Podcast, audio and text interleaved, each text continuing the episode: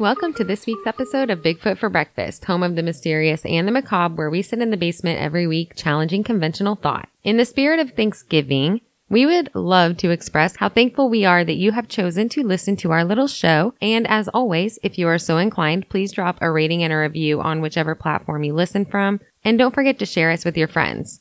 If you want to get a hold of us for any reason, whether it be for a show suggestion, a comment, constructive criticism, or if you just want to chit chat about whatever, you can email us at bigfootforbreakfast at outlook.com. You can message us on Facebook, Instagram, or the Twitter, or you can just call and leave us a good old fashioned voicemail. The number to do that is 641-812-2635. And don't worry, it's just a voicemail. So you don't have to worry about one of us picking up the phone and dragging you into an awkward conversation. This time of year is the time for family, joy, and giving thanks. But you know us, we're going to use it to talk about something weird and dark. So forgive us if we get anything wrong here, folks. Basically, there is the story that we have always learned, and then there are other versions and speculation from different sources that we are going to get into. So remember that some of this is speculation in our sources, and we're going to go ahead and include it as something to think about. So let's dive right in. That's right, folks. If you haven't already figured it out or made the assumption based on the day of the release, we're going to talk about Thanksgiving and not in all the good, warm, and fuzzy ways that it's usually talked about. There are some rather dark elements to it, although it really has turned out to be a rather beautiful holiday in which family gathers, remembers their loved ones, talks about old times, has a few laughs, and shares a great big meal that everyone is super thankful for. The actual root of the holiday is not so happy and lighthearted. It is generally believed that American Thanksgiving is modeled on a harvest feast between the colonists of Plymouth and the Wampanoag and Pokanoket people in the year 1621. And we're gonna get into that. But let's start more towards the beginning of this whole situation, situation, shall we? The pilgrim settlers first stepped off the boat in 1620 and stepped ashore the land of what would later become America, their first footfalls landing on Plymouth Rock, according to legend. But alas, we have a fun fact. The records of the Puritans never once mention the landmark that would have been Plymouth Rock at all. Also, they were initially supposed to have two ships back in England. They ended up having a bunch of trouble with one of them, so everyone from that ship had to pack all of their stuff and their families onto the other ship, the good old Mayflower, completely overcrowding it and then making the long journey to the New World. By the time they got there in December, they were sick, weak, and half starved to death but they still had to face the winter. A lot of them didn't survive. There they were, staring at a brand new future, a beautiful and vast expanse of empty land that would become their new home. Their hopes and dreams would lay a great foundation as they worked their way toward a new start, away from the Church of England that had oppressed them so, a church that they did not accept anymore. They didn't seek minor changes in the Church of England. They didn't seek to reform or purify it. They left it behind and abandoned it to begin anew here. They were farmers and builders and wanted to live and worship as they pleased. They were a very religious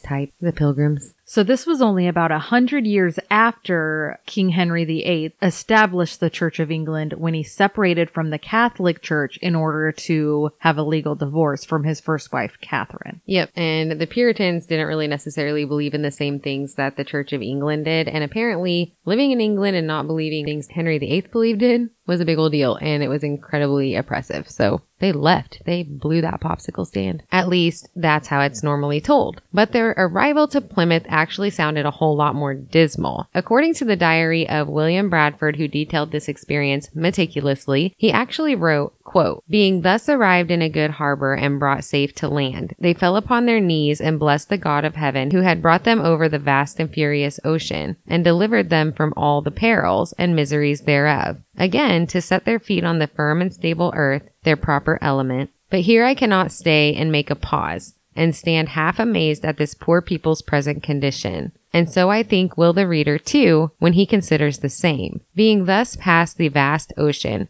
and sea of trouble before in their preparation, they had now no friends to welcome them or inns to entertain or refresh their weather-beaten bodies, no houses or much less towns to repair to. It is recorded in scripture as a mercy to the apostle and his shipwrecked company that the barbarians showed them no small kindness in refreshing them. But these savage barbarians, when they met with them, were readier to fill their sides full of arrows than otherwise. And for the season it was winter, and they that know the winters of that country to be sharp and violent, and subject to cruel and fierce storms, dangerous to travel to known places, much more to search an unknown coast. Besides, what could they see but a hideous and desolate wilderness, full of wild beasts and wild men, and what multitudes there may be of them, they knew now. Neither could they, as it were, go up to the top of the Pisgah to view from this wilderness a more goodly country to feed their hopes. For which way soever they turned their eyes, save upward to the heavens, they could have little solace or content in respect of any outward objects. For summer being done, all things stand upon them with a weather beaten face, and the whole country, full of woods and thickets, represented a wild and savage hue. If they looked behind them, there was the mighty ocean, which they had passed, and was now as a man bar and gulf to separate them from all the civil parts of the world. Fun fact the first killer in America was said to have stepped onto land off of the Mayflower. His name was John Billington, and although he was aboard the Mayflower, he wasn't one of the pilgrims. He was part of another group called the Strangers, not the most religious group of people, unlike the pilgrims. Billington and his family were in and out of trouble with the group and the people of the settlement for years, and about 10 years after arriving to America, he ended up in an argument with another man. So he hid in the woods and ambushed the man while he was hunting, murdering him. It would later become the first trial and death sentence of a murderer in America. At the end of the month, the settlers hung Billington from a tree until he died. I would say it's not necessarily likely that he was the first killer or murderer in America. Probably the first one caught, tried, and hanged. Indeed. I think they just meant the first murderer who killed another one of them on purpose and was caught, tried, and hanged. Because you know they were killing the Native Americans like crazy, and that is murder as well. Meow. Meow. But anyway, But anyway, back to the pilgrims. They were just stepping off the Mayflower. So while the pilgrims were probably feeling content and accomplished in escaping the Church of England and getting started on an establishment of their own, in which they could live peacefully how they wanted, the overwhelming reality had just set in as they stepped ashore their new home. They had just endured a journey by ship full of hardship and starvation, watching their comrades die all around them, all this only to be greeted by total wilderness that was unknown to them. They had to build enough of a community to survive the winter from scratch, ration what little food they had left from the ships, and see if there was anything that they could eat among these unknown plants that they had never seen before. Hopefully there would be something to hunt as well, but they didn't really know about that either. On top of that, they quickly noticed that there were other people here, and these other people didn't seem too excited about the newcomers. So what would they expect from them? They had just endured an incredible journey only to face yet another one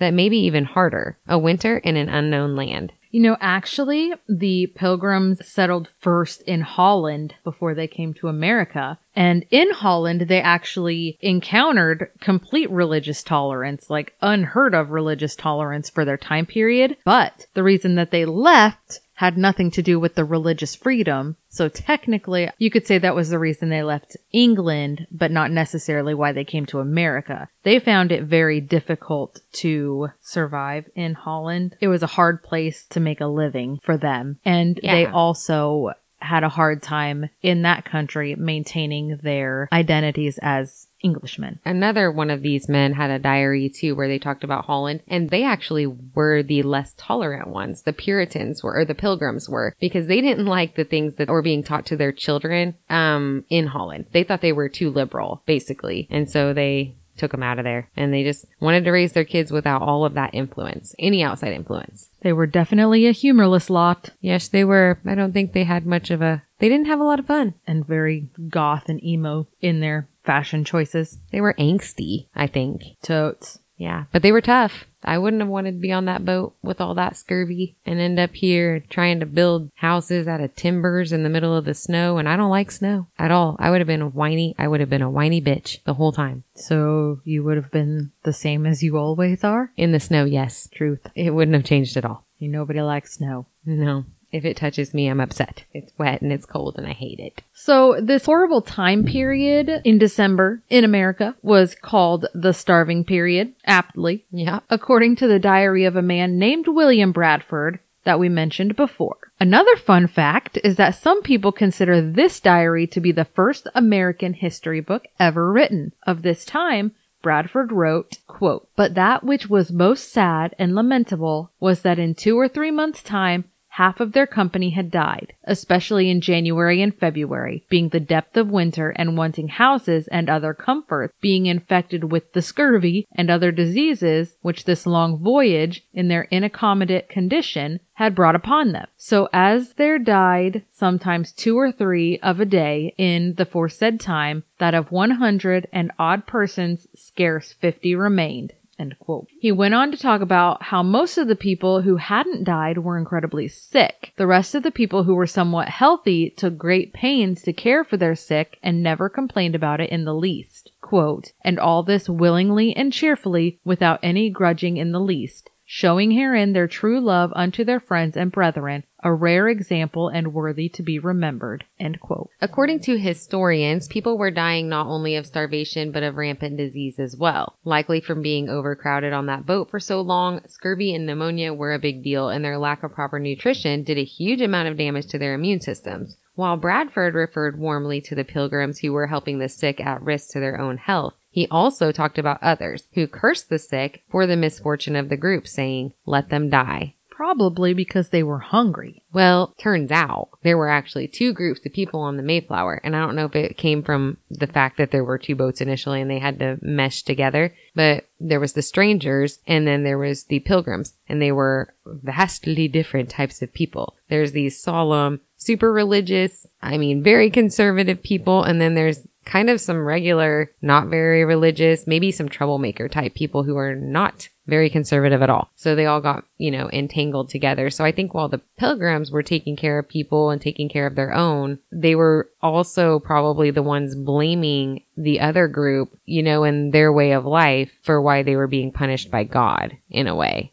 is what I kind of interpret it as. So some of those people, they were like, just let them go. It's probably best which isn't really very nice, but that's what was going on. In this diary, he talks about the Native Americans and how all winter they would see them hanging around, but would never approach the pilgrims, and the pilgrims never approached them. The pilgrims, being sick and weakened, were pretty nervous about an attack by the Native Americans because it would have been a total massacre. The pilgrims were in no state to fight off anyone. They were so nervous, in fact, that they would prop dead bodies up against trees, tying muskets into their hands, so from a distance, the Native Americans would think that they had a whole bunch of men standing guard. Basically, the pilgrims didn't push their luck and the Native Americans never attacked. It seemed as though the native people were mostly investigating them to see what they were all about. Eventually, they began to seem more interested in what the pilgrims were doing. The way they talked, how they used tools, the tools themselves, the pilgrims' customs. By March, one of the brave Native Americans decided to take a chance and they went right up into the pilgrims' camp. This man could actually speak some English, which really surprised the pilgrims.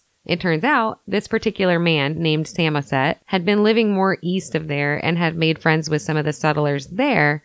And this is where he picked up some of that English. They were really glad to be able to communicate. More and more Native Americans came and met the pilgrims, including Squanto, who spoke fantastic English. They were getting acquainted and it was peaceful. We all know the stories of how the first Thanksgiving came to pass that is taught to the innocent schoolchildren. During the pilgrims' time of need, the local Native Americans came to their aid, teaching the pilgrims how to grow, harvest, and store food, to build for the weather and find resources. This was mostly thanks to Squanto, who they had befriended. He taught them everything they needed to know and taught them how to survive in the harsh new world. He had his own horror story at the hands of the English. According to stories, Englishmen had come almost 10 years prior to the pilgrims and one of them tricked Squanto and another native into getting onto their ship. They ended up kidnapping him and taking them clear to England to sell him as a slave. Apparently, he fell in with a fisherman and ended up on various expeditions with him. At some point, he came back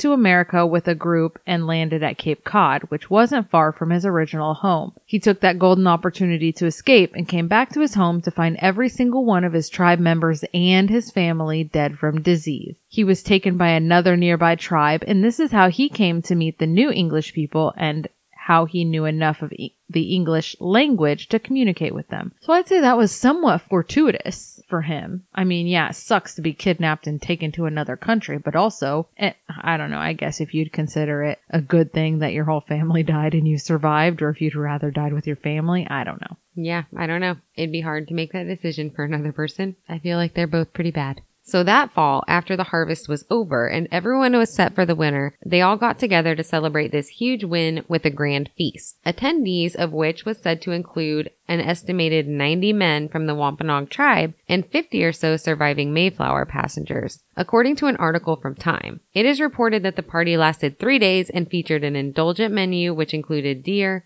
fowl, and corn, according to an article in Smithsonian Magazine. It is not recorded, however, whether the natives were invited or if they just crashed the party in the history of either group. Thanksgiving is celebrated on the fourth Thursday of November and had originated as a harvest festival. The holiday was made official in 1863 by President Abraham Lincoln post Civil War. But apparently, they'd been having Thanksgivings for years and years and years and years before they made it an official deal. And I can't remember the name of the girl, but she kept writing to all the presidents and asking for it to be made an official holiday. And Finally, Abraham Lincoln was the first one to do it and he set the date for it because usually everyone in the region would just kind of figure out, you know, make plans for which day to have Thanksgiving. But either way, everyone was having one. So they just made it a national holiday, set a day for it every year so that it could be recognized across America or what small amount of America there was then. Wow.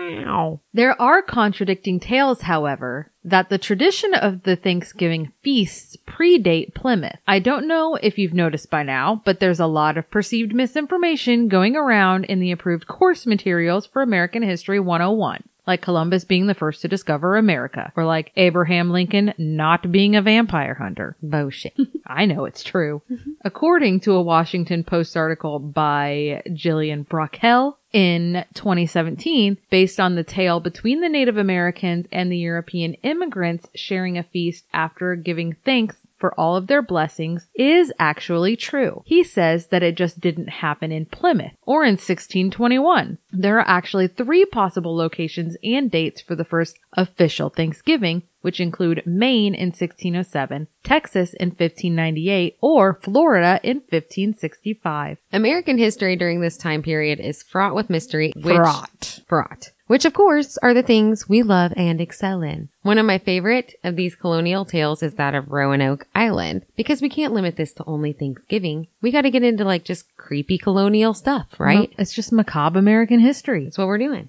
So, this does take place right around the time of these suggested first Thanksgivings. So let's go ahead and discuss it. That's right. We're all over the place in this relative time period, folks. Considered to be one of America's oldest unsolved mystery cases, the enigmatic tale can trace the settlement's origins to the year 1587. But the first attempts to explore Roanoke Island had begun years earlier. First was a reconnaissance mission in 1584, and then again in 1585 by a crew of men including John White, who was in search of gold, pharmaceuticals, and a shortcut to the Pacific, in spite of the Spanish claims to North America. This crew went on in and then was forced to retreat after making enemies of the natives there. They ended up hitchhiking home with Sir Francis Drake less than a year after their arrival. The actual settlement began with about 115 residents, including women and children, and was governed by John White, who had apparently decided to return despite his previous bad experience here. This time, being the apparently elected leader, John White was elected to sail back to England later that year to bring back a load of fresh supplies that the set- settlers needed to survive. White did in fact sail back to England, sadly leaving behind his wife, daughter, and an infant grandchild, Virginia Dare who was the first English child born in the Americas. As luck would have it, he arrived to England only to find that war had broken out between Spain and his motherland, and that the ship he was supposed to return to America on, as well as every other available vessel, was ordered by Queen Elizabeth to be used in this war to face the Spanish Armada. So basically, all travel by ship from England was at a total halt, and he would not be able to return with those much needed supplies that his colony was waiting for. Imagine the panic that that would cause for a person to know that they wouldn't be able to return with the things that the people needed to survive. Including his own family, and there was no way to tell them. It would be three years, the summer of 1950, when John White would be able to return to Roanoke Island, just off the coast of what is now North Carolina. That is a very long time to go without supplies in a time when they were likely already struggling with rations and weather as well as possibly unfriendly natives. Now this is where the story gets interesting. I'm sure that most of you have heard the whole deal, and it's been depicted with very interesting interpretations in movies and television. One of Sam's favorites being American Horror Story, Roanoke. And of course, me being me, I also liked the speculation about the happenings of Roanoke in the true historical fiction, it's not fiction, book, Abraham Lincoln Vampire Hunter. I have to disagree. Roanoke was actually my least favorite season of American Horror Story. I felt like they could have done so much better with the idea of this than they did, and I was super disappointed in them turning it into a reality show situation. I hated it. And I'm ashamed to say that I've actually never seen Abraham Lincoln Vampire Hunter, although I've heard good things. The book was much better than the movie. Anyway, moving forward with the facts of the mystery, John White aboard the English ship the Hopewell, accompanied by a party of sailors, returned to his colony or what he thought had been his colony, but there was no trace of the colony to be found nor any of the inhabitants. I feel like he somewhat expected this. I'm sure his heart was in his stomach as they approached the colony and he was hoping with all he was worth that they would still be there, alive. But alas, not so much. There was nobody found dead. There was just nobody. It's worth noting that according to an article in National Geographic, the men coming ashore pretty quickly happened upon what appeared to be fresh footprints in the sand as well as a carving in the tree right by the shore. The carving had only three letters, C R O. There were very little indications of what may have happened there. But if the colonists were forced to abandon, they should have carved their destination into a tree or a nearby post using a prearranged code. If there had been a, an emergency evacuation of the colony, they would have carved a cross near the destination as well. These three letters made a little sense as John White denied that it was a code that they had arranged to use before he left, and it was not the name of any settlement near there. But the party pressed on. They did end up finding something more, however. They found only a single word carved into a wooden post near the deserted settlement that read Croatoan. The carving itself did not appear to be made under distress, although the post was part of a defensive picket which had been put up after John White's departure. This is indicative of preparation by the settlers for an impending or expected attack of some form. They must have had some indication of danger or need for a defensive structure like this, but typically if a colony or settlement was attacked, there was always some evidence of this. People didn't just straight up disappear. And what was the word Croatoan about? Beyond this, there's nothing but theory and speculation as to the fate of the lost colony. And the investigations of this particular mystery have continued on for centuries with zero answer. Croatoan, it turns out, was the name of an island south of Roanoke that was the home to Native American tribes of the same name. It is a possibility that the Roanoke colonists were either murdered or abducted by said Native Americans. However, the Carolina Algonquin speakers were known to have been close allies to the Europeans. In fact, Manteo, one of the men of the native tribe, had twice been to London as a diplomat and been a guide and interpreter for the colonists. So it seems unlikely that he would just come and attack the settlement since they had been on friendly terms with them for a good length of time.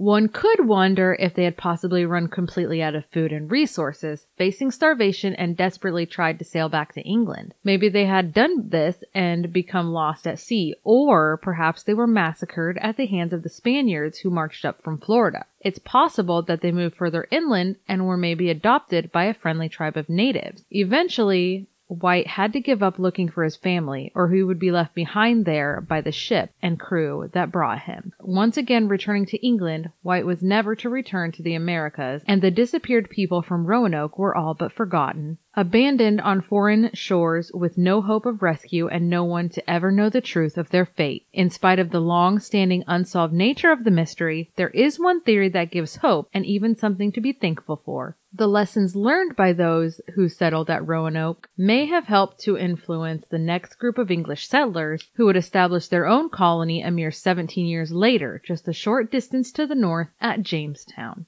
And other than Roanoke, that is the early American colony that most catches my attention. Jamestown. It was the first permanent English colony established in North America. Jamestown was founded in 1607 in the month of May by 104 souls. Due to the climate of the region, drought, and inexperience of the settlers in growing crops, hunger and disease were a problem in Jamestown. Not to mention that they had just come out of months at sea, stuck on a boat so their immune systems were shot, just like the pilgrims that had settled at Plymouth. But that really isn't where the trouble began. From the beginning of the trip to America, things seemed destined for catastrophe. In December of 1606, the Virginia Company sent ships, the Susan Constant, Godspeed, and the Discovery, to the North America to establish an English settlement. The settlement was to use their time upon first arriving not only to build the colony, but also to search for gold and silver deposits along with a suitable river trade route to the Pacific so that the trade with the Orient could be established. The first to arrive were all men and boys with different talents and trades that were to build what would later be the colony. It would be nine months before any ladies showed up. The girls never came.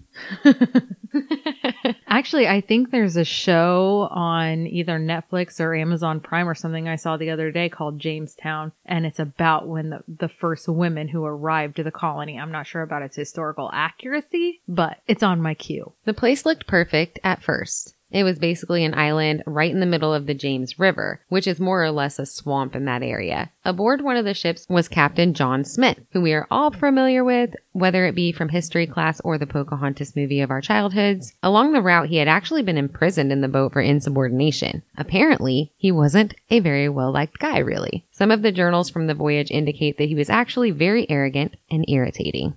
So the colony was built and it consisted of a large wooden fort that housed a weapons and supply storage, along with a church and several houses. That following summer, a captain by the name of Newport took two boats from the settlement back to England to give the king a report of what was going on in the new colony. I guess this was before passenger pigeons. He took two ships and 40 crew members with him. I put that in there like snuck it. Said it so seriously. Like a reporter. Caw! Caw! That's the distress signal.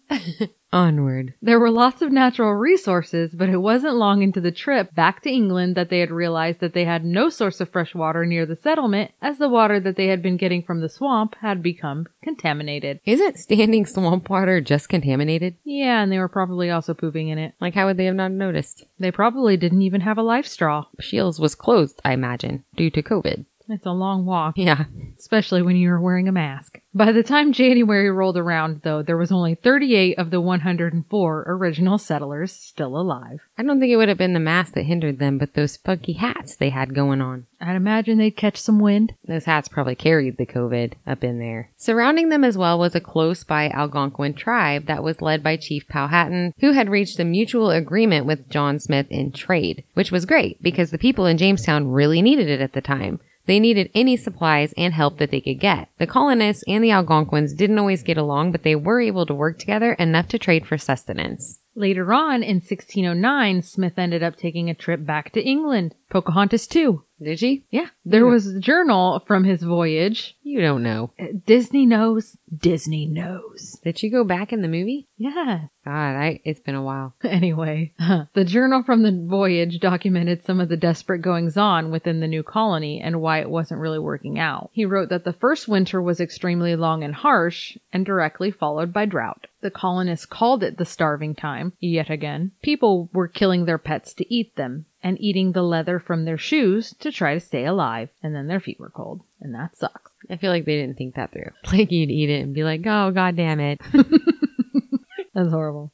anyway, there was fractured leadership because the people were blaming each other as well as constant killings by the Indians. One source said that two out of every three colonists were dying. John Smith had tried to fix things by trading goods for corn for the first two years, but he was making the Indians angry because he was apparently really disrespectful and rude. Which doesn't really seem very smart when you're trying to feed desperate people and you need supplies, but whatevs. Another journal entry found at the site of Jamestown was written by George Percy, who was standing in as leader while John Smith was away to England. Now, wasn't Percy in the Pocahontas movie? Or was that the dog? Because I thought the dog's name was Percy. Or was that our dog? We had a dog named Percy. Did we? it was that little pug. We had a pug and we named him Percy when we were little kids. I think they named the dog Percy as a play on the guy that owned There was a Percy involved. Was the pug named Percy? So the dog's name was Percy. Yes, the dog's name was Percy, but I think the governor. It all ties in. So they did find another journal later at the site of Jamestown, and it was written by this George Percy, and he was standing in as leader while John Smith was gone to England. So he wrote, quote, And now famine is beginning to look ghastly and pale in every face that nothing was spared to maintain life, to do those things which seem incredible, as to dig up dead corpses out of the graves and eat them, and some have licked up the blood which have fallen from their weak fellows. End quote. John Ratcliffe, not George Percy. We were confused. Okay, but I bet they named that dog after George Percy. Perhaps. That's how, you know, Disney's like that. It's kind of insulting. they must not have had much respect for George Percy. Eek. So imagine being so desperately starving, watching your family and fellow comrades waste away to nothing, and you know that you're all in for a very slow and painful death if you're lucky enough to die before you have to watch all of your loved ones do so. It would put a person in a whole different frame of mind. They were so desperate that they went ahead and ate their dead. Not even all fresh dead. They pulled some of them out of the ground, and who knows how long they'd been there. They drank the blood of the dead for sustenance. They drank the blood of their ill comrades because they were too weak to protest. This isn't just speculation. Well, it was until about 2012. Archaeologists at the site of Jamestown dug up a girl and they called her Jane. They found her bones and a partial skull. She was about 14 years old. Prominent forensic anthropologists came to the conclusion that Jane likely died of something natural, but she had definitely been feasted on after she had died. Her brain had been eaten. Kuru! Someone got Kuru. Yeah, they did. Inside of her skull, they found marks consistent with spoons nicking the bone.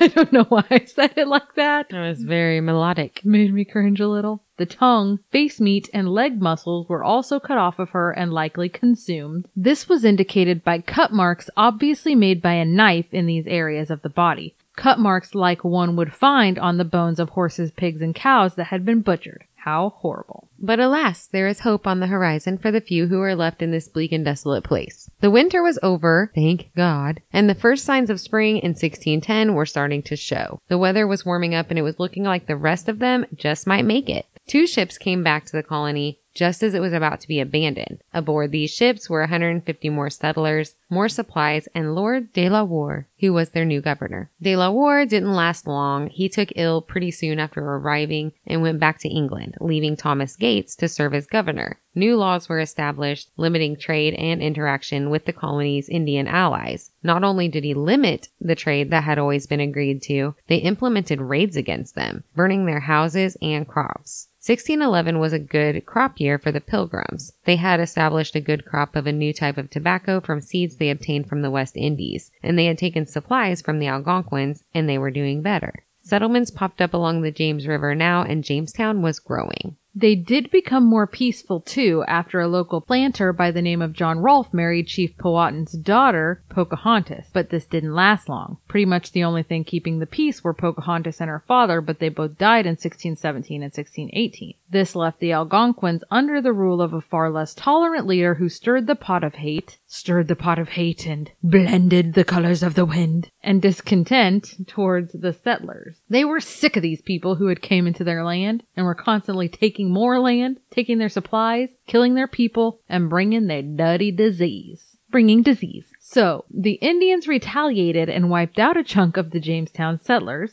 King James of England needed to take control of the destruction of his fast growing colony in America, so he made Virginia into a crown colony, with Jamestown the capital, and it continued to grow. Since they were a crown colony, they could expect certain protections from the English. It wasn't over yet, though. That far less tolerant Algonquin chief at the time was forced to sign a treaty with the Jamestown colony that gave Virginia most of the Algonquin land, and then forced the natives to pay the colonial governor an annual tribute. Even a lot of the colonists were angry with their governor at this time because even though the tobacco trade and prices were dwindling, he kept upping the colonists' taxes. Not only this, but a few other tribes were fighting amongst themselves outside of the colony. So Governor Berkeley saw this as an obvious weakened state of the native affairs, and he took this opportunity to set up a meeting between the two under the guise of mediation. He convinced the two tribes to come so that he could try to help them solve their conflict. But instead of doing that, he used this meeting to murder both of the tribal chiefs. He then declared war on the Indians and forbid any further trade with them. The colony was only then allowed to trade with friends of the governor. The volunteer militia was formed under Nathaniel Bacon in order to go wipe out some more of the Indians, and Governor Berkeley denied them commission to do so.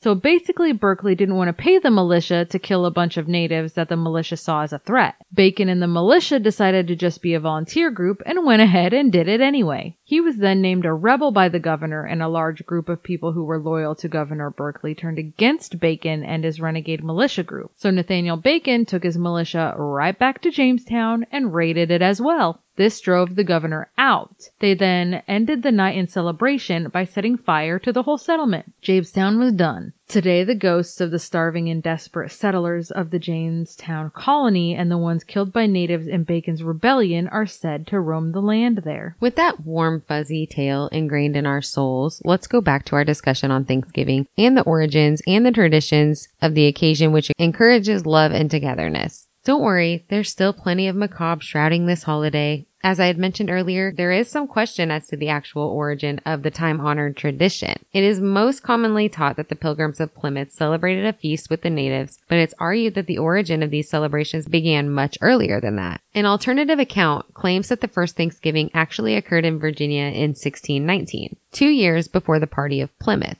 This one included no food or friendly natives, just a group of settlers gathering to pray and likely fasting, because this was a religious tradition in those times. Other sources claim that the natives were present in the original Jamestown celebration and that they had helped the settlers survive the winter. However, this celebration is said to have taken place at Berkeley Plantation, and this group of settlers included some survivors of the Jamestown starving time of 1609 and 1610, such as a man named Captain Woodlief. The English Berkeley Company who funded the settlement gave orders for the yearly celebration of this day of Thanksgiving to the Almighty God, and for the next two years they would do just that. In 1622, however, according to some sources, the Powhatan rebelled against the settlers' expansion into their territory and attempts to civilize them. They came to the settlement acting like they wanted to trade with the settlers, and then when everyone was comfortable, they set about their attack. They massacred everyone that they could find men, women, and children. They attacked the settlement and killed 347 of the European settlers. The plantation was abandoned. Let's take it back to Plymouth though, shall we? 1621 was the year the festival occurred, but according to a New York Times article, it wasn't actually called Thanksgiving until the late 1830s. It is confirmed in historical documentation that the Plymouth celebration was a noteworthy cross-cultural celebration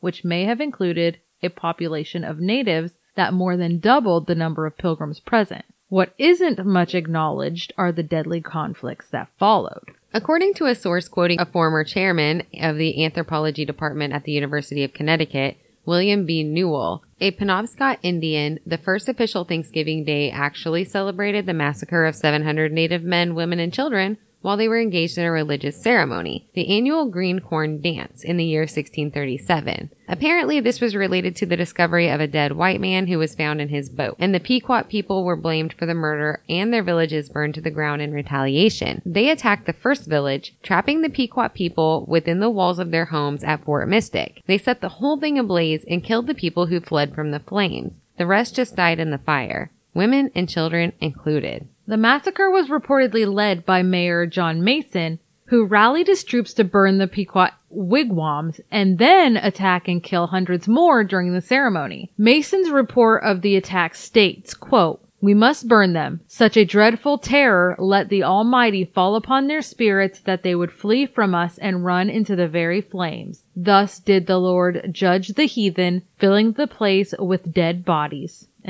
William Bradford, who was the governor of Plymouth, wrote at the time of the massacre, Those that escaped the fire were slain with the sword. Some hewed to pieces, others run through with their rapiers, so they were quickly dispatched and very few escaped. It was conceived that they thus destroyed about 400 at this time. It was a fearful sight to see them thus frying in the fire. Horrible was the stink and scent thereof, but the victory seemed a sweet sacrifice. And they gave the prayers thereof to God, who had wrought so wonderfully for them. He also wrote that for the next 100 years, every Thanksgiving day ordained by a governor was in honor of the bloody victory, thanking God that the battle had been won. If you can even call that a win, but no. So while Jamestown and Plymouth may be a partial source for the traditional celebration, by having joined the natives for dinner, the present celebration may be a mixture of more than one particular event. The truth of that matter is, Indians had observed autumn harvest celebrations for centuries. Pilgrims did not introduce the Native Americans to that tradition and weren't even called pilgrims until the 1870s. They were, at that time, self-proclaimed religious separatists, according to some sources. Obviously, we were told some of this in school, but a lot of the more macabre side of the early American history weren't exactly detailed when we were children. And we've barely scratched the surface today on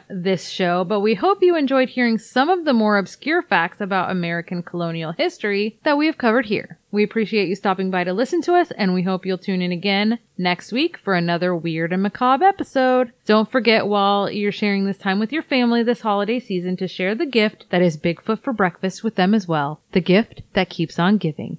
If you have a show suggestion or really just anything to say, you can email us at bigfootforbreakfast at outlook.com, message us on Facebook, Instagram, or Twitter, or you can call us and leave a voicemail at 641-812-2635 and we'll play it on our next episode. We'll be back next week and we hope you will too.